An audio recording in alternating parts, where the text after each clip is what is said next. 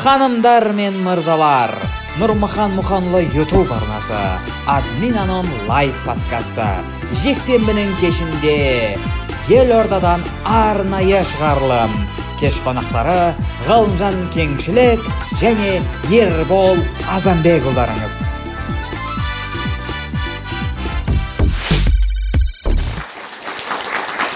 баршаға сәлем. Бұл нұрмахан мұханұлы ютуб каналы админ анон лайв подкасты. Ә, бүгін админ анон елордамыз нұр сұлтан қаласында қонақта. Ә, көргеніме өте қуаныштымын. Келгендеріңе көп көп рахмет. Ә, ендеше админ анонның нұр сұлтан қаласындағы ә, бөлімінде қонақта қазақстан ұлттық телеарнасының жүргізушісі ғалымжан кеңшілік.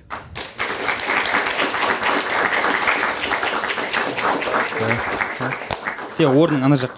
Иә иә және қазақстандағы нөмір бірінші пиар маманы ербол азанбек.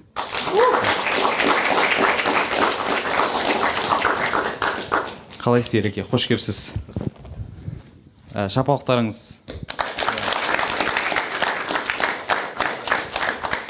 Негізі ә, мен осы жаққа келе жатқан кезде маған айтқан ә, нұр сұлтан қаласында шапалақты жақсы ұрады деп ше өйткені әбден шыныққан адамдар ғой. Тойдан қалған әдет па тойдан қалған? Э, тек қана той емес. Бұл жақта жалпы түрлі іс шаралар, өтеді ғой жаңағы шапалақ ұратын. Мен өзі негізі ә, мен ютуб каналымның көрермендері түсінбей жатқан шығар қазір. Нұрмахан не киіп алған деп ше? Өзі мына мына нұр сұлтан қаласын нұрсұлтан назарбаев атындағы әуежайға қона бастағаннан чуть чуть бір өзгеріс байқай бастадым да өзімде ше.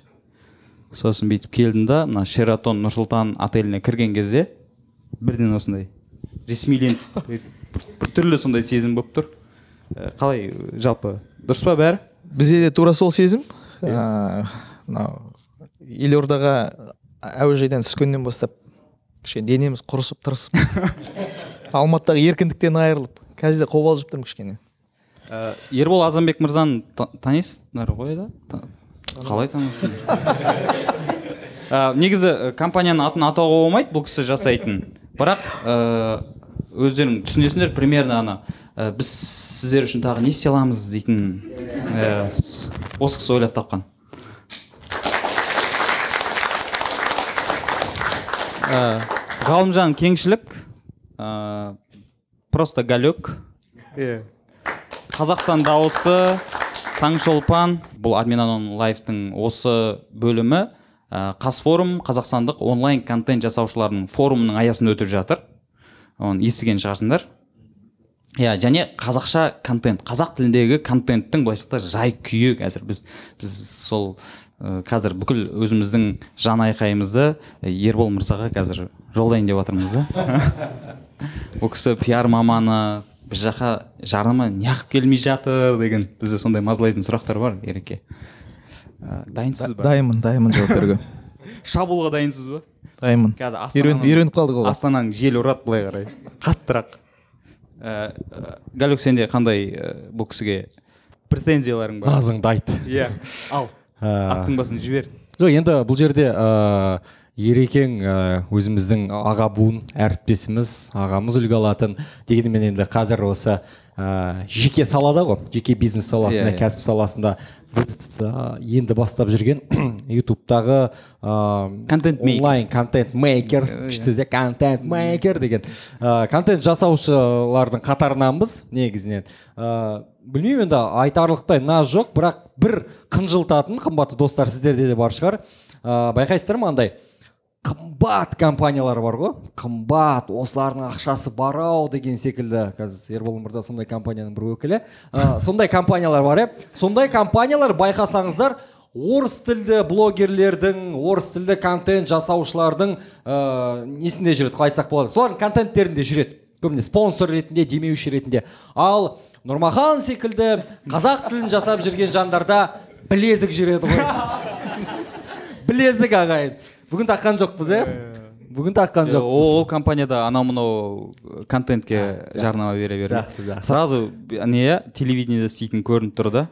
Иә микрофонына дейін сол өзі таза телевизионный микрофон. қалжың жалғастырайын қалжың әрине. Ә, енді айтайын деген бұл жерде ә, бірақ бірақ қаралым жағынан просмотр дейміз ғой орысша айтқанда. Қаралым жағынан қазақ тілдік контенттің ә, қаралымы басымырақ. Қазақ тілді контент ә, көп қарайды көп көреді деген секілді. Ә, бұл жерде білмеймін енді сапасына байланысты шығар. Контенттің сапасына байланысты шығар. Мысалы ақылды әңгіме айтатын контенттің сапасы а, а, қаралымы аз қаралым аз. Бірақ ә, ондай қаралым менің ойымша орыс тілді контентте болсын ағылшын тілінде контентте болсын ол жақта да дәл сондай Иә, мәселе дәл сондай жағдай. Мына жерде ә, бір тиктокер блогердің видеосымен мысалы мына жердегі мем жүр ғой уоррен баффеттің айтқан сөздері екі түрлі просмотр. Бізде де сол секілді жағдай секілді. Бірақ бір қынжылтатыны ә, жаңағы жағдай. Неге орыс тілді контентте бүкіл қымбат компаниялар сол жақта? Неге қазақ тілді контент бағаланбайды әлде қателік бізден бе? Деген. Деген телевизионный сұрақ Ой. кетті ой. сізге. А, бұл жерде енді айта кететін нәрсе қателік барлық тараптан бар. Ә, кез келген жалпы жарнама беруші компанияның ол негізгі мақсаты ол өз өнімін 5 теңге беріп 10 теңгеге са- қайтарып алу. Яғни жарнама ақша салу арқылы өзінің өнімін сату. Бірақ өкінішке қарай бізде енді қазақстанда ол тек қана осы жарнама саласы емес кез келген салада.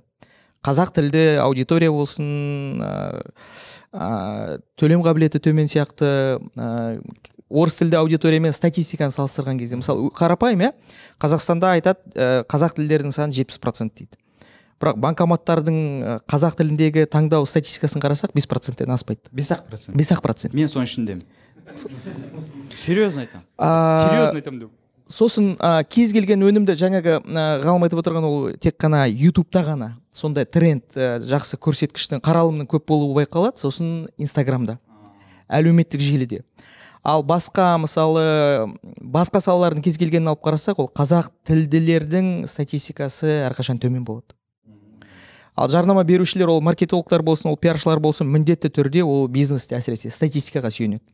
Статистикалық көрсеткіш бойынша қараған кезде орыс тіліндегі ә, орыс тіліндегі жарнаманың ә, қайтарымы көбірек. Бізде қазақстанда қазақ тіліндегі мысалы бұқаралық ақпарат құралдары, құралдары бойынша алып қарайтын болсақ таза қазақ тіліндегі ә, жарнама салған кезде жарнама берген кезде немесе пиар ә, сюжет мақала берген кезде қайтарым ә, ктк ның жаңалықтары 31 бірінші арнаның информбюросы қазақшасы. Ол орыс тіліне қарағанда 30 процентке жоғары. Мысалы бірдей сюжет берсеңіз орыс тіліндегі мысалы 31 бірінші информбюроға қазақшасын орысшасындағы выпускке қарағанда қазақшасында 30 процент жоғары болады. Ә, бұл тұрғыда ол екеуі эффекті тиімді тиімді екенін көрсетіп тұр. Одан кейін инстаграмда және ютубта ә, және ә, тенгри мен нуркизеттің қазақшасында. Сол осы ресурстарда ғана ә, салған сіздің жарнамаңыз қазақ тіліндегі берген. Өзінің қайтарым көрсетеді. Ал қалғандары бойынша бірде біреуінде қайтарым жоқ. Бірақ ірі компаниялар жарнама бермейді деген сөз емес ірі компаниялар жарнама береді. Бірақ ол жарнама атымен қайырымдылық мақсатта. Біз қайырымдылыққа Иә. мұқтажбыз. Біз мұқтажбыз ағайын өте мысалы бізге біз бірнеше қазақ тілді сайттармен жұмыс істейміз. Жеке өз басымды ол, қа- ол сайттардың ә, ең алғаш жұмыс істеп бастайтын кезде. Қарапайым прайс лист жоқ. Өздерінің бағаларын білмейді. Мысалы бір мақаланы орналастыру құны қанша? Упаковка жоқ иә упаковка жоқ. Ә, құжат бойынша мүлдем жұмыс істеу білмейді. Ә, өте үлкен проблема. Өте қарапайым нәрсе мысалы сайтқа мақаланы салған кезде соның оформлениесі дұрыс емес. Сіз жібердіңіз дайын материалды. Әйтеуір бір сайтта тұрады болды. Сон- сондай көп мәселе бар да. Ал енді мына жарнама берушілердегі проблема ол біздің қазақстандағы ә, олардың басшылығында мына шешім қабылдайтын адамдардың көпшілігі орыс тілді. Және сол компанияларда ірі бизнестегі мынау маркетинг пиар әлеуметтік желі смм бағытындағы шешім қабылдайтын адамдардың бәрі орыс тілді. Сондықтан олар олар мынау қазақ тілді аудиторияда қандай нұрмұхан бар ма? Басқа кім керемет проектілер бар ғой бізде бірақ сол проектілер туралы мүлдем хабары жоқ. Мысалы нұрмұхан маған қазір келсе менің мынандай проектім бар сіздер демеуші болыңыз деп. Нұрмұханның ә, алып келген коммерциялық ұсынысы презентациясынан бөлек мен басшыларыма өзімше бір ә, не жасауыма тура келеді. Мен кіммін презентация деп, нұрмұхан кім ол? Бұның қандай аудиториясы кім? Қанша жа- а- жазылушысы бар? Оларды не қызықтырады? Сол сұрақтардың бәріне мен өзім отырып алып жауап іздеп сол жерде нұрмұханның жеке бір ә, жарнама жөніндегі сатушысы болуыма тура келеді да басшылықпен екі ортада. Түсінесіздер ма сол жағынан ә, өте үлкен проблема бар. Егер ә, бізде қазақстанда шешім қабылдайтын адамдар қазақ тілді болса онда бұл жағынан көп проблема болмас еді. Бізде бізде біз тараптан қандай не бар минус сіздердің тараптарыңыздан ә, мына контент өндірушілердің тарапынан ең бірінші жолға қойылмай отырған нәрсе ол ә, сату менеджерінің жоқтығы немесе сата алатын адамның жоқтығы маркетолог иә? Өте упаковка иә? Әдемілеп упаковать етіп ә, оның пиарымен айналысу деген нәрсе жоқ. Мысалы нұрмұхан қазақ аудиториясы біледі. Иә ютубтан басқа жақтан. Бірақ орыс тілді аудитория білмейді. А неге нұрмұхан мысалы форбске шықпайды? Неге орыс тілді басқа тенгриге шықпайды? Неге сұхбат бермейді? Иә өйткені өйткені ә, нұрмұханның қасында ол пиар маманы жоқ. Пиармен айналысатын адам жоқ иә? Ана өзінің енді бар уақыты ол контент өндіруге кетеді ғой. Ен- енді бұл жерде ерке менің ойымша дайын ә, нәрсеге жүгіреміз көбіне және де көп еңбектенгіміз келмейді. Оны мойындаймыз ғой иә қыздар жігіттер иә? Ютуб контент жасау ол оңай дүние емес иә? Ол қиын дүние. Оның қайтарымы бір екі жылдан кейін болуы мүмкін ақшасы иә? Қаржылай түрде қайтарымы. Ал оған дейінгі еңбектің барлығы шығатын шығын тек қана өзіңнен яғни контент жасаушыдан бізден шығын бізден кетеді тек қана. Енді сол ретте менің ойымша команда жасақтау қиындау секілді. Ә, ол аты маркетолог бар сммщик бар монтажерың бар тек қана операторлар сырттан алып келуі мүмкін қалғанның барлығы бір адам болуы Иә. мүмкін иә? Көпшілігінде бастапқы кезде қаражат болмайды ғой. Иә. мысалы ә, бізде енді контент өндіру ол контент өндіру де бизнес. Бизнес деп қарауымыз керек. Мысалы сіз кез келген сайт ашасыз ба ютубтан проект ашасыз ба инстаграмнан бір үлкен аккаунт жүргізіп соны ә, табысты ә, жобаға айналдырғыңыз келе ма оның бәріне бизнес деп қарау керек. То есть бастапқы кезде сіздің аудиторияңыз кім оның жасы қанша толық портретін қалыптастырып ал. Кәдімгі бизнесте бастаудың алдында сіз маркетингтік зерттеу жүргізесіз ғой. Тура сол сияқты зерттеу керек. Ә, сіз ол, ол аудиторияға не беріп оның берсеңіз қайтарымына не ала аласыз қанша теңге ала аласыз? Вот ол аудитория төлем қабілетті ма? Оған қандай құралдарды ұсыну керек? Сол жағын ең бірінші зерттеу жетіспейді да. Мен мына қазақ тілді сайттардың иелерімен сөйлесемін мен сендер соны зерттедіңдер ме? Жоқ зерттеген жоқ сен сендер неге сүйендіңдер мысалы? Қандай мақсат болды сайт ашқан кезде? Ой біз сол қазақтарға контент болсын дедік қазақтарға сол қазақша контент жоқ мына халыққа ақпарат жетсін дедік. Онда сен ақша туралы ойламай ақ қой сен ары қарай сол. Сен дальше иә иә. қайырымдылықпен айналысып сол халыққа контент таратып жүре бер онда ақша сұрап келме деймін да. Ал егер сіз әу бастан әу бастан әу бастан сондықтан егер бір проект бастайтын болсаңыздар егер бизнестен жарнама тартқыларыңыз келсе болмаса өзіңіздің аудиториялар- аудиториядан табыс тапқыларыңыз келсе онда ең бірінші ол контент өндіру халыққа қазаққа болсын деген емес ең бірінші ол бизнес тұрғысынан қарағандарыңыз дұрыс. Жақсы ол қазаққа болсын қазақ дамысын қазақ контенті көбейсін деген өте жақсы ниет. Бірақ сізде енді қаражат болмаса оны қалай жүзеге асырасыз? Ұзаққа созылмайды ғой ана ә, сол энтузиазм енді көпшілік иә. көп жобалар ары кетсе үш жыл екі жыл бір жыл сол Жоқ, сіз ұзақ уақыт беріп жатсыз иә. Мен бір жыл деп бір жыл деп бір екі екі шығарылман кейін тоқтап қалатын жобалар көп қой. Ол енді әлеуметтік желіде ана медиа жобалар ірірек мысалы сайттар ашылып жатады бір үш жыл жүреді екі жыл жүреді сол. Ә, мен жаңа сіз айтып жатсыз ғой осындай ә, біздің контент жасаушылардың ә, минустарын. Маркетолог болу керек деп мен оны қазір ойлап жатырмын да егер мен жаңағыдай маркетолог болатын болса SMM мен біреу айналысатын болса мә мен олармен бөліскім келмей қалады ғой деп ойлап отырмын да сол ғой жоқ біздің мәселе сол ғой. Бастапқы кезеңдегі мәселе сол ғой. Қалай маған реклама келіп жатыр мен ол бөлісемін деген сияқты. Нұреке сенде талант бар да? Бастаған кезде енді ол қазір көріп жатрсың тек қана ол талант ә, бір жақсы жоба жасауды жасауда жеткіліксіз. Сондықтан қасыңа инвестор керек. Қаражаты бар адам мысалы менде осындай талант бар. Бір екі выпуск жасадың өз күшіңмен. Осыған қосымша серіктес болсаңыздар деп. Сату жағын бірге алып жүретін қаражат салатын сол жоба белгілі бір деңгейге көтерілгенге дейін. адамдар қайдан табамыз ереке соны айтыңызшы бізге. Ә, ондай ол, ол адамда ә, жаңағы орыс тілді ортамен немесе жаңағы компаниялармен байланысы бар адам болу керек шығар. Сөзі өтімді болу үшін. Бізде ондай адамдар негізі өте көп қарасаңыздар. Да? Пиар мамандары маркетологтар ә, бірақ тек қана соларға ұсыныспен баратын адам жоқ та. Әркім өз әлемінде өмір сүріп жүр. Жаңағы соны сатумен айналысатын маркетологтар пиаршылар өз әлемінде нұрмұхан сияқты контент өндірушілер өз әлемінде деген сияқты. Сол екеуін байланыстыратын негізі енді ертең форум өтейін деп отыр ғой. Осындай бір форумдар осындай бір шаралар ә, және нетворкинг жетіспейді сонда иә? нетворкинг жетіспейді иә. Иә. Былай болған мен осыдан үш жыл бұрын жаңағыдай ә, былайша айтқанда орыс тілді блогерлердің тусасына түсіп қалдым да. Олар енді біледі екен сырттай. А көреміз білеміз деп. Енді мен иә сол істеп жатырмын. Олар маған андай қылып қарады да. Ә ничего. Типа жұбатып жатыр да мен. Мен әлі баста мен жаловаться етіп жатқан жоқпын маған. Әлі өсесің иә.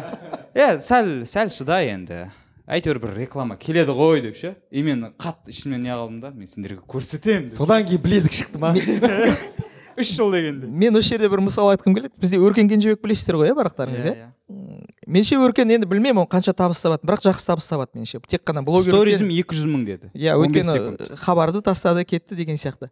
Ол мысалы бұрын жақсы kz деген сайты болды қазақ тілді блогерлардың ортасында жүрді кейін ортасын күрт өзгертті ол әлішер елікбаевпен сөйлесе бастады там бейбіт әлібековпен басқа орыс тілді блогерлармен.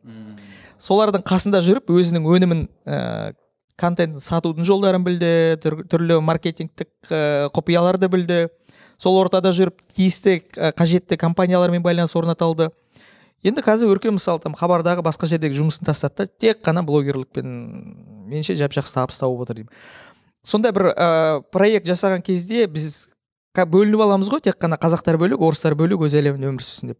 Мен орысша білсеңіз де білмесеңіз де бірақ сол орыс тілді ортаға ә, көбірек кіріп солармен байланыс орнатып солардың құпия тәсілдерін біліп тиісті адамдармен байланыс орнатуға тырысу керек. Өйткені ә, қанша біз мойындасақ та мойындамасақ та өйткені негізгі қаражат ә, ол сол орыс тілді ортада. Ә, тиісті шешім қабылдайтын адамдар орыс тілді. Сондықтан бізге солармен бірге жақсы байланыс орнатып солардың ортасына түсіп өзіміздің өнімізді сатуға бір тырысудың жолдарын қарастыру керек. Және осы ерекеңнің сөзіне бір қосыла кетейін. Ыыы керісінше керісінше эффект те бар негізінен. Ыыы динара сатжан. Танисыздар ғой иә динара сатжан. Ыыы қазақ тілді ортаға. Қазақ тілді ортаға кіріп жатыр. Иә яғни ыыы білмеймін енді бұл жерде мақсат аудиторияны кеңейту шығар.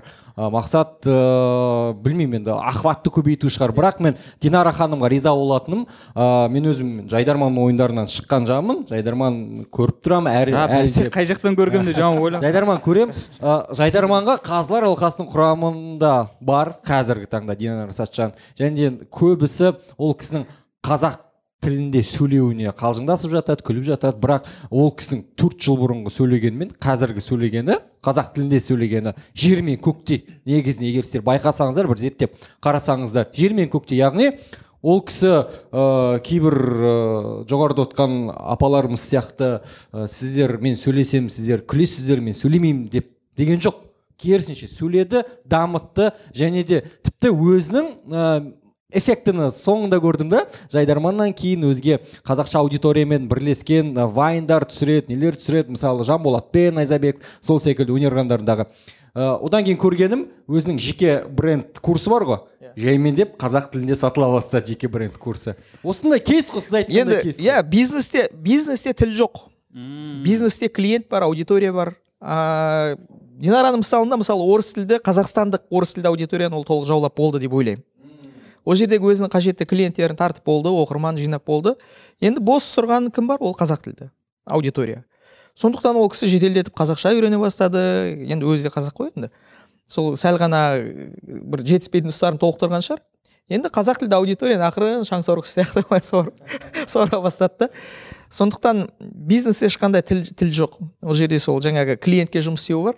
Ә, сол мәселені де негізі біз назарға алуымыз керек. Біз- нұрмұхан может сен орысша не бастайсың? Мен орысша стендапқа шықтым ғой. Керемет. Мен негізі москваға дейін барған адаммын негізі. Ше мәскеуге барып мәскеуді алған адам. Жоқ мен жаңа сіз айтып жатсыз ғой ә, бизнесте тіл жоқ деп ше. Біз жаңа біз қазақ тілінде контент жасаушылардың несі де сол болып тұр ғой. Біз эмоция басымырақ болып тұр да бізде ше? Өзіміз шектеу бізде көп. Иә ол шектейміз. не, не үшін мен барамын? Иә. келсін өзі. Иә. Көрсін деген бізге сияқты. бір екі коучпен жұмыс істеу керек ау.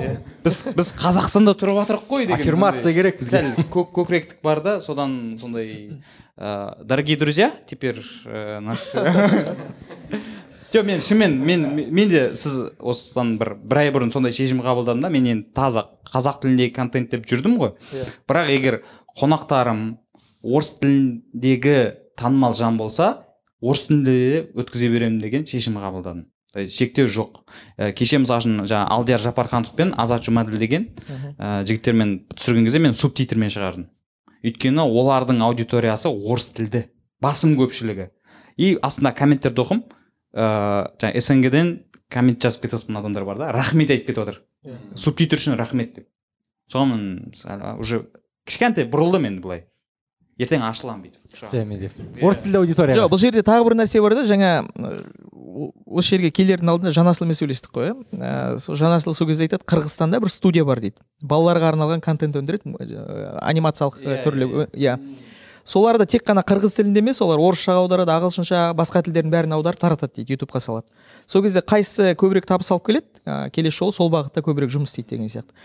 Меніңше мысалы енді қазақша өткізіп соны үстінен озвучка жасап басқа тілдерге аударып таратуға болатын сияқты. Ау иә сондай енді бұл жерде ә, біздің ә, балаларымыз ә, көретін контентті айтуға болады менің ұлым қазір енді тоқтатып тастадым көрсетпеймін. Влад и никита деген жоба бар. Орыстардың влади бумага? Влад и никита деген бар. Шатастырмаңыз влад и бумагамен. Ол екі түрлі. Мен влади бумаганың несімін? Аудиториясымын. Олар ағайындылар. Ә, екі ағайынды америкада тұратын орыстар жайлы ғой енді. Кішкентай балалар кәдімгідей стандартный видеоблог детский видеоблог балалардың видеоблогы соны мен бір қарадым балам көріп жатыр орысшасын бір кезде қараймын ағылшынша көріп жатыр. Бір кезде қараймын арабша болып жатыр. Әртүрлі күндер ғой. Сөйтсем зерттеп қарасам влад и никитаның өзінің бірнеше арнасы бар. Әртүрлі тілде. Орысша арабша ағылшынша қытайша бар қателеспесем сондай секілді. Сіз айтқандай да ә, және әр видеосының өзінің қаралымы миллиондардан асады. Монетизация бірнеше ә, каналдан келіп отыр. Сол ретте енді ә, бұл бұдан шығатын түйін біздің жасап жатқан қазақша ә, контентімізді ең минимум субтитрмен орыс тілге аудару ма деген сұрақ туындайды бұл жерде. Мен э, өзбекше де білемін. Ол аудиторияны жауласам болады екен.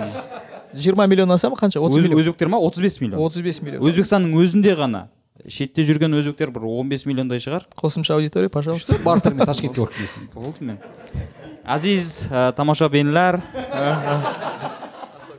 Ә, нұрмахан мұқанұлы ютуб арнасында админ анон лайв подкасты ә, бүгінгі подкастның қонақтары пиар маманы ербол ә, ә, қазір айтамын тартпайсың сен ол аудитория тартпайсың олар орысша да айта береді телеведущий не жоқ оларда ғалым деген ат жоқ ғұлам дейді ғұламжан кенчилик ғұлымжан ағайын ғұлымжан мен халықаралық контентпін жалпы өзім сондай. Енді мына ә, қазфорум онлайн контент жасаушылар ә, форумның аясында өтіп жатыр ғой. Сіз осы форумның алғашқы ә, өткізілгеннен бері қатысып келе жатсыз. Иә. жалпы осы не істеу керек? Біз осындай жиі өтіп тұрғанның қандай нәтижесі болды? Немесе ә, тағы не қосып алу керек деген сияқты. жалғыз қазақ тілді контент өндірушілердің бас қосатын жері ғой негізінен иә? Ә, бұл жалғыз алаң осы қазақ тілді контент өндірушілердің ең бірінші форум есімде ол ә, қазақ тілді сайт редакторларының форумы деп өткен. Тек қана сайт редакторларының.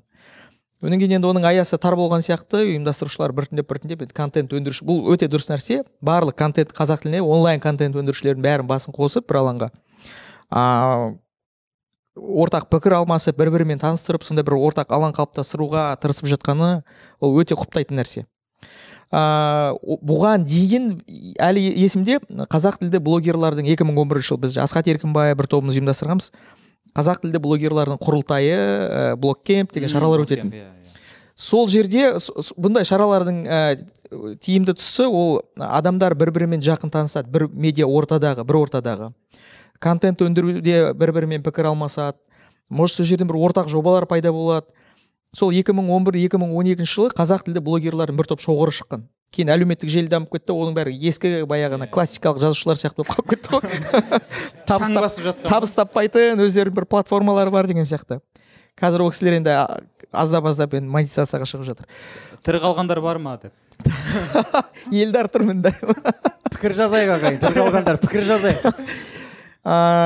Енді қазір э, бұндай осындай форумдардың өткені өте дұрыс та. Ә, өйткені таныстықтан бөлек ортақ жобалардан бөлек жаңағындай ортақ проблемаларды қозғап ары қарай қалай дамытудың жолдарын талқылайды. 2018 жылы әлі есімде ә, мен сол ә, форумда осы қазақ тілді сайттарының ә, редакторларының форумында дәл осы форум ғой енді соның атауы бөлек. Сол кезде қазақ тілді сайттардың иелеріне ә, ұсыныс жасағам. Сіздер тура осы мәселе талқыланған сол жерде бізге қазақша жарнама берілмейді ә, тек қана орыс тілділерге бересіңдер деген сияқты. Сол кезде айтқанмын сіздердің ә, жаңа кемшіліктерді айттым да и оны біз оны түзей алмаймыз дейді. Өйткені бізде ақша жоқ дейді көбі. Онда ақша жоқ болса онда сіздер бірігіңіздер. Бірігіп бір ассоциация құрыңыздар. Және бір жарнама агенттіктерімен сөйлесіп келісіп сол өздеріңіздің мысалы он сайттың ә, площадкасын бір бір сайт ретінде сатыңыздар.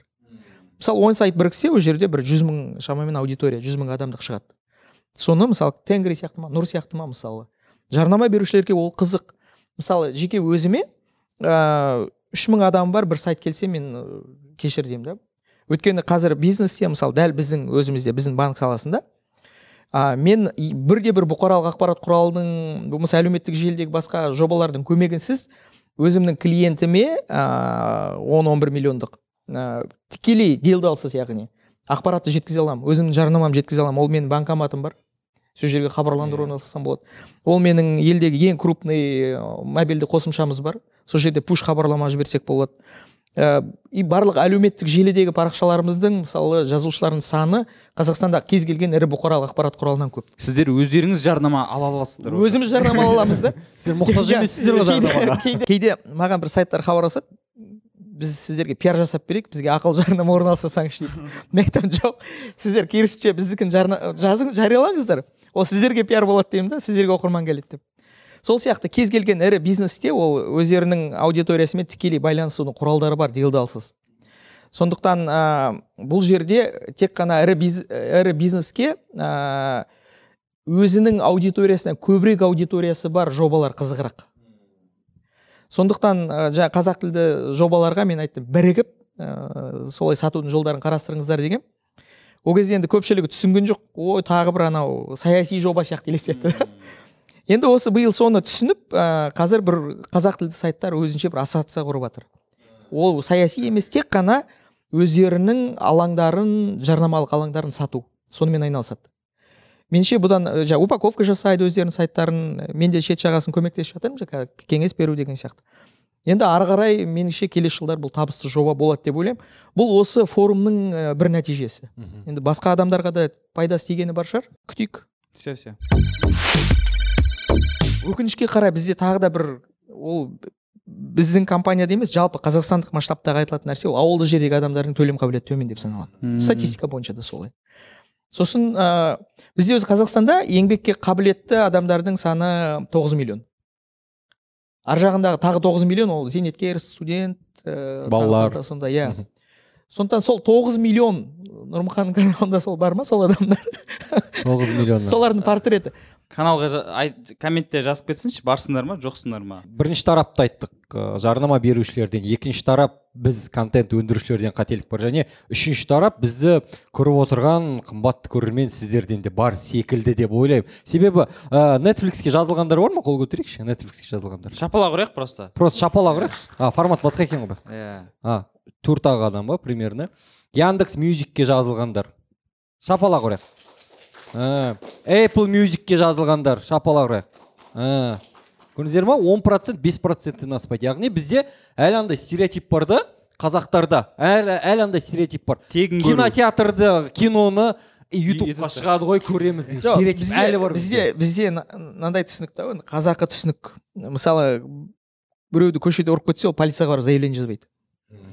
По понятиям шешеді по понятиям а орыс тілді біреуге тиіп кетсе ол жүгіріп барып заявление жасайды ол статистикаға ілінеді банкоматқа барамыз ой қойшы мынау қазақ тілі түсініксіздеу ғой иә орысын тереді да и немесе автомат орысша шығып тұрса соны пайдаланады да кете береді.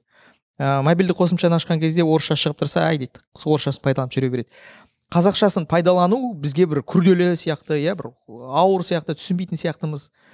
И сол жағынан сол түсінікпен бізде статистикаға қазақстандағы қазақ тілді аудиторияның статистикасының өспеуіне әсер етіп отыр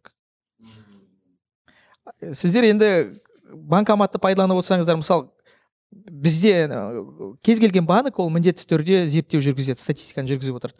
Тоқсан бес процент қазақ тілінде банкоматты пайдаланып жатса әрине бірден ол ол жүргізіледі сонда иә? Қай тіл иә. таңдаған? Иә. Бизнесте ондай түсінік жоқ. Қай тілде көбірек сол тілге ол жүгінеді. Клиенті сол ғой өйткені оған сату керек. Не ереже болсын инструкциясы болсын бізге орыс тілінде түсініктірек да? Деген сондай бір иә. қалыптасып қалған бәріміздің сол жағынан иә мәселе бар. Тіпті жаңағыдай соны несін оқисың ғой? Е орысшасын оқиықшы че то түсінбей жатырмын дейсің ғой. Банкомат қазақ тілін таңдайтындар бар ма шапалақ ұрайықшы короче жаңағы бес проценттің бәрі осы жерде отыр екен ғой. Өзіміз жиналып қалыппыз ғой иә. Орыс тілінде контент жасаушылардың ішінде жарнама тауып беретін үш төрт сондай ұйымдар бар. Мысалы үшін ә, камаладин медиа бар. Бүкіл жаңағыдай подписчигі он мыңнан аса ма жиырма мыңнан аса ма? Давай өзіне тартып алады. Brave talents деген бар. Бүкіл үлкен контент жасаушыларды жинап алған. Қазақ тілінде ә, бөкей деген жаңа ә, компанияның Ерқанат иә ерқанат бөкей. Ол да бір бірақ шектеулі да шектеулі. Жаңағы бізде сәл ә, не бар ә, қосылғымыз келмейді негізі. Өйткені әркім өзін жеке тұлға деп есептейді да жүр. Мен ешқандай ұйымға кірмеймін мен. Бірақ енді қызмет сату үшін табыс табу үшін бастапқы кезде хотя бы. Иә бір үш жыл екі жыл көлемінде бір белгілі бір деңгейге көтеріліп нақты өз жарнама берушілерді ә, төлем қабілеті бар аудитория қалыптастырып алғанға дейін ә, өз өніміңізді қиналмай сата алатын дәрежеге жеткенге дейін бірігу керек. Онсыз жол жоқ. Мысалы жаңа ғана қазақ тілді сайттардың ассоциациясы деп жатырмын ғой. Қарап отырсам ол мысалы бұқаралық ақпарат құралы болғаннан кейін ол ютуб канал емес ол жеке инстаграмдағы парақша емес. Ол жерде өзінің нақты бір заңды бақ туралы заң бар басқа да там заңдар ол бағынуы тиіс. Ол жерде заңгер болу керек. Ол жерде сату менеджері болу керек. А, ол жерде IT маманы болу керек. А, пиар маманы бөлек болу керек бірде бір сайт қазақ тіліндегі оларды ұстауға мүмкіндігі жоқ. Бәрі бар мысалы сайт үлкен сайт бар ербол серікбайдың ол жерде бір маман бар мысалы са- бір маман екі маман нақтысын білмеймін әйтеуір мамандары бар сатумен айналысатын. А басқа сайттарда жоқ ондай. Жеке заңгер ұстай алатын сайт жоқ. Ә, ең болмаса келісім шартпен ә, жа бухгалтер ұс- ұстау керек болады. Көпшілігін қарасаңыз өздері толтырып әйтеуір сөйтіп жіберіп отырады қате қате деген сияқты. Ә, осы осы мәселе тұрғысынан ә, бірігіп бес алты сайт тек қана сату жағынан ғана емес өздеріне қажетті мамандарды жалдауға да сондай мүмкіндік ала алады да біріксе енді енді бірігу керек. дұрыс айтасыз еркең сөзіне маған енді ұнаған өзіме ә, бір түйгенім себебі ойлап жүргенім бірігу бірігу деген дүние. Расымен де ә, туса деп айтамыз ғой енді. Қазақ тіліне де еніп кеткен сөз ғой. Бірден түсінеді туса деген. Ә, мысалы алматыда өзіндік бір туса бар. Иә? Иә. өнер өнердің мәдениеттің шамалы. Қазір ақырындап бір блогерлердің тусасы пайда болып жатыр. Екі мың он екінші он үшінші жылдары ы, елбасының тапсырмасымен казмедиа орталығы салынды иә бізде. Казмедиа орталығы өзіміздің бір останкино пайда болды. Енді журналист ретінде мен мақтан тұтамын себебі ол жерде журналистердің ортасы бар. Тусасы. журналистердің тусасы бар ортасы бар. Ә, бір бірін қолдайды кей ә, кездерде мысалы қиыншылыққа түсіп қалған кездерде ә, мысалы кешегі ә, жамбылдағы оқиғадан кейін мысалы жетінші арнаның журналистін бәрі қолдап шықты ғой мысалы. Бір солидарность бар өздерінше. Бір бірін қолдайды репост жасайды. Оның өзі қолдау ғой репост жасау лайк басудың өзі менің ойымша. Ә, бір бірін таниды. Сондай бір орта бар қалыптасқан шүкір. Енді дәл сондай шығармашыл орта креативті контент өндіретін орта алматыда әлі толық қалыптаса қойған жоқ менің білуімше. Олардың өздері бөлек бөлек бөлек компашка. Астанада елордада мүлдем жоқ. Елордада мүлдем жоқ. Сондай. Содан болар бәлкім. Біз жаңа нұрмахан айтқандай ғой әркім өзі бір тұлғамыз біз өзіміз өсеміз көтерілеміз деген дүние да. Жоқ ана Реклама, жарнама содан келмейтін шығар. жеке амбиция дейміз ғой. Жеке амбиция ә, жаңағыдай ә, мәмілегерлікке қарағанда жоғары тұр да. Иә, біз өзіміз ә, бүкіл мынау қошемет маған ғана келсе деген сияқты сондай нәрсе бар. Бұл жерде енді адам әмбебап қатты әмбебап болуы мүмкін емес қой нұрмахан. Өзі контент өндіріп ол өзі сатып өзі сол бизнеске айналдыру кезінде бірақ мата сатқан содан нелер бар? Аздаған бар иә дейсің. бар ма деп өзбекстанға жақын деймін мата сатып сәл. Кез келген бизнесті алып қарасаңыз ол негізін салады одан кейін ары қарай мамандар команда құрады команданың қолына береді ғой. Сол сияқты сондықтан сату ол міндетті түрде бір адам қолында болу керек. Э, өзің контент өндірушісі ма болды контент өндіруші. И негізгі бренд мысалы нұрмұхан болды. Лицо. А қалған мәселе негізі мамандарға беру керек та бізге. Сол жағынан бірігу керек или жалдау керек? Или агенттіктермен келісімшарт жасау керек? А осы жерде айта кететін бір нәрсе. Бізде қазақстанда тек қана қазақ тілді контент өндірушілердің ә, өндірушілерді сатумен айналысатын агенттік немесе мамандар жоқ. Жай ю- инстаграмда по моему бөкей иә ол сонда жоқ бір екі ютубтағы контенттерге де береді иә. Аздаған сол бір бір бірді екілі бар. Бірақ жалпы бұқаралық ақпарат құралдарындағы контент сатумен айналысатын ол сайттар болсын ол телеарна басқа деген сияқты. И әлеуметтік желі жоқ ондай адам. Идея агенттіктер жоқ. Құрып алу. Құрыңыз жоқ, дайын жаңа сіз айтып а алматыда құрылды жақында. Медиалаб деген ә, коммуникация агенттігі құрылды. Олар осы бағытта жұмыс істейміз деп ойлап отыр қазір. Мен жаңа сіз осыны айтып жатқан кезде ойланып отырмын да. Мысалы үшін типа чуть чуть қиялдап отырмын ғой енді. Егер құрылса и әрқайсысына олар кіріп шығады ғой. Давай бізбен әріптестік орнат деп ше. Иә. и сол кезде ойлап отырмын жаңағы енді мен демей ақ қояйын тағы да басқа контент жасасын бүйтіп қарайды да. А сонда біздің үстімізден ақша көрейін деп жатрсың ба е мынау бізден ақша істейін деп жатыр ғой. Явно сондай. Ол енді ортада нақты келісімшарт болады ғой. Жоқ негізі комиссия қанша алады? көбіне сондай не болады. Иә. өйткені жаңа осы ыыы, жарнама шығып жатқан кезде басқа андай шынымен де миллион просмотр жинап жатқан қазақ тіліндегі контенттердің ыыы өкілдеріне шығып жатады ғой соларға. Жігіттер сендерге мынандай жарнама берсек деп жатырмыз деген кезде ана жігіттерде сондай не қылады да? Қалай соны сен бізге. Қанша көрейін деп иә біздің мен үстімізден қара жұмыстың бәрін істеймін бірақ сен Иә, маған иә. он теңге бере- бересің де жиырма теңгені өзің аласың. Деген одан қалса оны андай да мысалы үшін жарнама берген кезде сен оны отработать етуің керек қой. Сен бірінші жарнаманы саған бірден мә деп ақша бере салмайды бір какой то бір процентін береді сен істейсің жарнаманы результатын көреді қанша клик басылды деген сияқты қанша андай не дейді переход болды. Соның бәрін қарап қалған суммасын береді ғой. Ол миға үлкен салмақты неге ол түсініксіз? Лучше барайын да тойға барайын да бес жүз мыңды аламын да кетемін. Болды понятно. Жүргізіп бердің тойды ақшасын. Налым алдың кэш. Болды. А мына жерде чуть чуть жаңағыдай. Жоқ. бір несі бар сияқты жаңағыдай махинация бар сияқты. тойда да ондай ә, мәселе бар ғой. Енді арасында той басқаратыны бар десең. Той міне жарнама міне жарнама. жаңа- міне жарнама. Жарнама. Иә. Шотал. Иә, ивент ивент агенттіктері бар иә мысалы. Ивент агенттіктері шақырады и ол жерде де пендешілік қой. Бұл жерде менің ойымша басталады жаңағыдай. Ей сен менің үстімнен ақша көрейін деп тұрсың ба барып жаймен деп жаймен той иесінен сұрап қаншаға саттың деп. Бар ғой ондай. Бар сол секілді. ол тек қана бұл неде емес менің ойымша. Сол айтып отырмын ғой жалпы сондай біздің ортадағы ортаға тән нәрсе ма деп ойлаймын да жаңағыдай бірігудің қиындығы жағынан немесе сондай бір ыыы маркетингтік немесе жарнама орталығы болса бәрінде сондай күмән тұрады. Ар жақта ше е, у- а былай басында келісуі мүмкін сөйтіп. Е по идее өзіміз де нормально істей алады екенбіз ғой давай деп ше прямой жаңағыдай жарнама берушіге тікелей шығып кету деген сияқты. А ол жаңағы саған жарнама тауып берген орталықтың адамдарының былайша айтқанда көңіліне тиеді. Сен олардан тыс былай айналып айналып кетіп жатқан кезде ше? Ондай мәселе бар. Ол тек қана жарнама емес кез келген салада бар. Бір ағамыз бар спорт федерациясының біреуін басқарады. Сол кісі біраз басында айтады мен ол жерге бармаймын мені шақырып жатыр басқаруға деп. Кейін бір күні келісім берді мен сол басқаратын болдым дейді не үшін келісім бердіңіз? десем айтады «Ыыы, қазақтар анандай футбол сияқты топтық ыыы, спорт түрлерінде ешқашан жетістікке жетпейді екен дейді ал жекелеген спорттық түрлерде жетістікке жетеді деді. Менің сол көзім жетті мен соны мен басқарамын бір точно медаль алады. Біреу үшін ойнамаймын чисто өзім үшін дейді ғой. И менің атым қалады спорт тарихында деген сияқты. Сол үшін басқаруға келдім деген бір пікір айтқаны бар. Сондықтан бұдан кез шығатын келген салада бар. қазақтар бірігу керек ағайын шынымен ондай емес па бір бір тудың астында деп.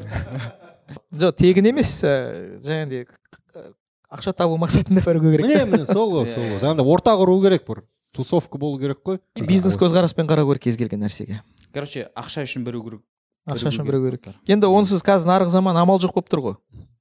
Біз енді қазір осы жердің өзінде или кейін ә, неге ютубқа шыққаннан кейін де айтатын шығар мынау ақша ақша деп қалды ғой деп. Иә иә сол бізде өйткені тәрбиеміз ә, солай да бала күннен енді мұнда тоқсаныншы жылдан кейінгі кісілер бар шығар иә?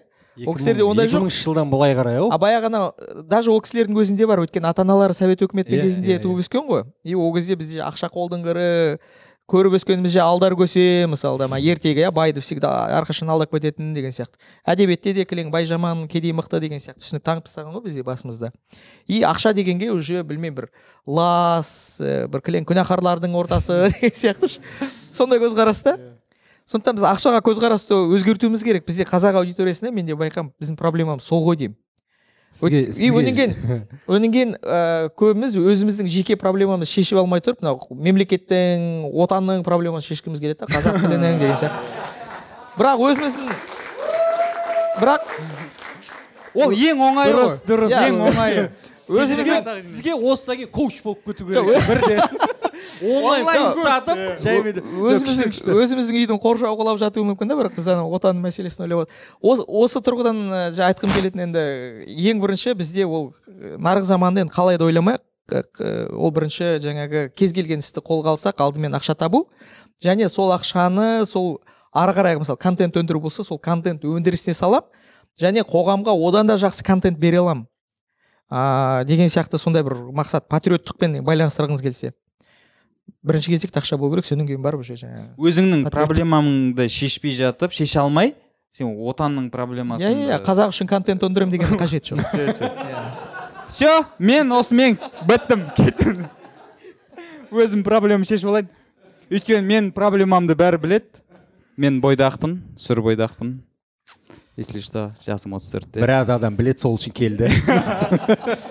Жігіттер көп екен че то заман солай дейсің ғой иә қазір қо- қорқа бастадық қазір че то сол сияқты мысалы үшін мен содан влог түсіріп бастадым. Просмотрларым өте жақсы болды. Бірақ ә, рекламаға келетіндер реклама бергісі келетіндер не букмекерлік компания не спирттік. Мен екеуінен де бас тарттым. Сөйттім да ә, ол тоже бір 10 влогтан кейін қандай күйеу бала иә 10 влогтан кейін тоқтады. Э, былайша айтқанда мен қазір мына каналымды ашып қарасаңдар түсінеді адамдар. Мына не үшін тоқтады деген кезде болды. Жоқ мен істедім істедім. И бір реклама хочется ше бір берсе екен ғой ей ақша керек болады нұреке сен енді ә, рекламаны қала- қалайсың иә? Бірақ өзің бір қадам жасап көрдің ғой бардым бардым мен. Жаңа барған кезде маған айтты так ә, бізде қазір жаңа букмекерлік немен мхм. ә, спирттік ішімдіктер ғана бар деді мен жоқ дедім. Сонымен ірі компанияларға барған жоқсың. Мен жаңағыдай ә, неге бардым? Ә, сол реклама тауып беретін бірақ орыс тілді компанияға бардым. Оларға негізі ұнады контент өйткені менде до того андай ғой жалғыз өзім ютубқа келдім ғой енді влогпен. Алғашқы выпускым қалаулымнан бэкстейдж жасадым 900 мың просмотр. Жанар дугалованың клипінен бэкстейдж жасадым 700 мың просмотр. Ирина қайратовнаның клипінен бэкстейдж жасадым там 200-300 мың просмотр да. Уже былайша айтқанда бір қызығатын не болды да. Олар қызығып отыр бірақ ә, қазіргі береріміз осы ғана деп. Мен жоқ дедім сонымен қалды жайына и маған ұнамай қалды да жаңағы отыз процент бізге бересің. Отыз процент. Просмотрды кім жи- жинап жатыр? Мен ғой деген сияқты болды. бұл жерде мен енді кішкене комментарий берген нұрекеңде екі проблема болған да. Бірінші көп компаниялар мысалы жарнама беру кезінде ол ә, өздерінің саласына қатысты салалық ә, контент өндірушілерді іздейді бірінші кезекте. Мысалы біз қаржы саласы бойынша қаржы тақырыбындағы контент өндірушілерді қараймыз. Солармен серіктестікке жұмыс істегіміз келеді. Және олардың ә, белгілі бір деңгейде статистикасы болса және сәл ғана жақсы беделі болса онда біз олармен қуана жұмыс істейміз. А, ал енді нұрмұхандікі ондай салалық емес жалпы бұқара Entertainment қой. иә. Бұндай жерде тек қана қызықты болатын нәрсе ол статистика. Демек ол жерде жаңағы сен өзің барған кезде ол статистика сәл төмендеу болды. Төмен, жоғары сен үшін. Қазақ аудиториясын жоғары бірақ ана жарнама беру үшін ол төмен болған сияқты. Енді осы ретте тағы бір әңгіменің ұшы шықты менің ойымша. Ереке салалық салалық ә, журналистикада бізде ақсаңдайды салалық ә, ютуб Контенттер. контентте ақсаңдайды негізінен сіз айтқандай мысалы сіздің ә, ақша бере алатын мекемеңізге сәйкесінше қаржы туралы қаржылық сауаттылық туралы бір жоба керек мысалы. Бірақ ол жобаның ә, Просмотр өте аз болады, иә. өте аз болады сәйкесінше. Бәлкім содан жасамайды. Бірақ бәрібір ма ондай болса да? Міне. Иә ол жерде айтып кеттім ғой. Белгілі бір деңгейде статистика болса Мм. белгілі бір деңгей ол жерде жаңағы шоу бизнес ойын күлкінің айналасындағы миллиондық емес мына жердегі бір он мыңдық жете ма? он мыңдық мысалы аудиториясы болса және олардың барлығы сол жаңағы дәулеттеннің аудиториясы бар ғой мысалы иә? Ол армия. Армия иә? Миллион ғой подписчигі. Одан кейін ол жерде мысалы көпшілігі қаржы тақырыбында қызығып пікір қалдырып жар дәулеттеннің аудиториясы қаржы саласының көпшілігі үшін қызықты болады деп ойлаймын. Мм. бірақ неге екенін білмеймін. Жұмыс істей ма істемей ма қазіргі кезде? Жоқ істейді бірақ көбіне Жоқ, сол жарнама берушілермен- инстаграм арқылы. жарнама берушілермен ірі тікелей Ой, жұмыс істемейді ау деймін сол жағынан. олар да. Ол ол байқатпайды жарнамасы байқатпайды оған мұқтаж емес па? Иә ол мұқтаж емес оның оның жарнамасы байқатпайды негізі. Вот сол сияқты мысалы бізде бір нелердің жекелеген блогерлардың өзінің проблемасы бар да қазір. Енді фейсбукте бұрынғы журналистердің бәрі блогер болып кетті ғой. Елу мыңға жүз мыңға пост жазады. Сонымен таң қалатын нәрсем бар тағы елу мыңға алып тастайын ба таң қалатын нәрсе мысалы ол мәдениетті бұрын жазған бұрын спорт жазып жүр бір күн отырады да фейсбукте қаржы туралы бір банктің өнімін мақтап жазып отырады да. И оның астында жыпырлаған жаңағы сенбеуші сенбейді аудитория. Е сен қалай деген сияқты. Өйткені ол әу бастан оған аудитория үйренбеген. Ол ол саланың бір кішкентай болса эксперт сияқты көрінсе ол аудитория сенетін еді және жарнама беруші оған ары қарай да пост тапсырыс бере беретін еді. Мысалы өткенде бір ірі банк бір топ блогерға тапсырыс берді. А, мен енді бәсекелес болғаннан кейін қарап отырдық зерттеп әрқайсысын лупамен қарап. А, пікірлердің көпшілігі негативті болды. Ол жерде ол банктің өнімінің жаман болғанына байланысты емес. тұрған секілді Ол анау-. Ж- жазып отырған адамдарға аудитория сенбеді. Потому что ол ол адамдар ол саланың қаржы саласының маман емес. Маман емес аяқ астынан жарнама аяқ астынан жаза бастады. иә елдер айтты е мынау ақылы пост қой мынау платный қанша алдың? деген сияқты сұрақ көп та арасында. Сатылып кеттің дейді. ғой сондықтан егер ә, мысалы сіздер бір саладан ә, жарнама берушілермен жұмыс істейтін болсаңыздар студенттер болса арамызда болашақта. Сол салаға мысалы ірі жарнама берушілердің тізімін жасап сол салаға бейімделіп сол саланың эксперті болмасаңыз да бір экспертке жете қабыл деңгейде болсаңыз сізден сізбен бәсекелес болмайды. Мысалы қаржы саласы бар телекоммуникация бар қазір бізде туризм өте көп қаржы салынады. Қазақ тілді блогерлар бар ма? Мә мен ақша берейін деп жүргендер өте көп компаниялар. Бірақ ондай аудиториясы қалыптасқан ә, ондай блогерлар ә, медиа жобалар жоқ бізде қазақстанда. бәрі ы, разнорабочий блогерлер ғой. Иә. Разно- иә. Иә. Кез келген уақытта бір күні прессек болып шыға келеді. Маған қазір мынандай ой келіп жатыр да біз жаңа бірігу бірігу деп жатырмыз ғой. Бізде мысалы үшін шағын және орта бизнес ы, өкілдері бар ғой сол бизнеспен айналысып жүрген. Оларға қазір көптеген мүмкіндіктер бар да. Ә, и солармен біз бірігуіміз керек сияқты да қазір. Екі жаққа да бір біріне қолдау керек қой. Біз контент жасап жатқан қазақ тілінде контент жасап жатқандарға қаржылай. Иә. Хотя бы шығыныңды жабатын. Иә. Бірақ оларға жарнама деген сияқты. Ол үшін жаңағыдай ғой бастапқыда айтып өткендей бұл кісілер жасайын деп жатыр ғой оны. Жоқ жоқ бұл мс шағын орта бизнес қой. Иә. соларда да жаңағындай проблема бар да. Мысалы мен бұған ақша документально нетпейді иә? Иә мен бұған қазір жарнама беру үшін ақша салсам бұл маған адам алып келе ала ма алып келе алмай ма депші. Одан кейін олардың көпшілігінде ол жаңағындай зерттеу жасайтын мүмкіндік жоқ. Мысалы нұрмұхан аудиториясын алып талдап оның ішінде төлем қабілеті бар ма жоқ па берсем бола ма болмай ма деген сияқты. Нұрмұхан өзінен сұрайды сен сата аласың ба точно? Содан енді сатамыз ғой деген сияқты. Білезік сатып жатырмын ғой қазір. Сондай бір ауыз екі бір э, қарабайыр дұрыс айтасыз андай ғой миллион жазылушысы бар. Иә. алады да ақшаны береді да сатып жібереді. Ол одан түк келмейді ештеңе шағын келмейді. Орта бизнесте сондай проблема бар. Иә, иә, оларда да тоже маманы жоқ мына жерде маркетологы деген үш мың екі жүз жазылушысы бар бөлек блогер болуы мүмкін бірақ одан мақсатты аудитория. Үш мың екі жүз жазылушысы бар. Және одан ақша көбірек келуі мен мүмкін сол айтып отырмын хотя бы бірігейікші деп ойлағанмын сондықтан оларға нұреке оларға керегі көбіне жаңағы шағын орта бизнестегі оларға сол инстаграмнан парақша ашып беріп соны жүргізетін таргетті білетін адам ғана керек та. Смм смм бұл жерде де шектеу бар да соны. Ше бірге алмай кеттік қой енді вот бірге біргеміз ба деп отыр едік оказывается жаңа ма жаңа иә вот келе жатыр едік біз сол бір сө- сөз бастасақ тоқтай алмай қаламыз ғой ә, көп рахмет келгендеріңе ә, иә ә, елордамызда жиі жолығып тұрамыз деген үміттемін ереке сізге көп рахмет келіп құнды ақпараттармен бөліскеніңізге от души рахмет қой галек ә, соведущийлық үшін рахмет. Бүгін ерекеңнен сұхбат алдық екеуміз. Иә, иә. ереке рахмет. Көп көп. Көп көп. Қызық болды өте. Ә, нұрмахан мұханұлы ютуб каналына жазылыңдар. Пікір лайк коммент бәрін ә, колокольчикті басып қойыңдар. Ә, келесі аптада кездескенше. Көп көп рахмет.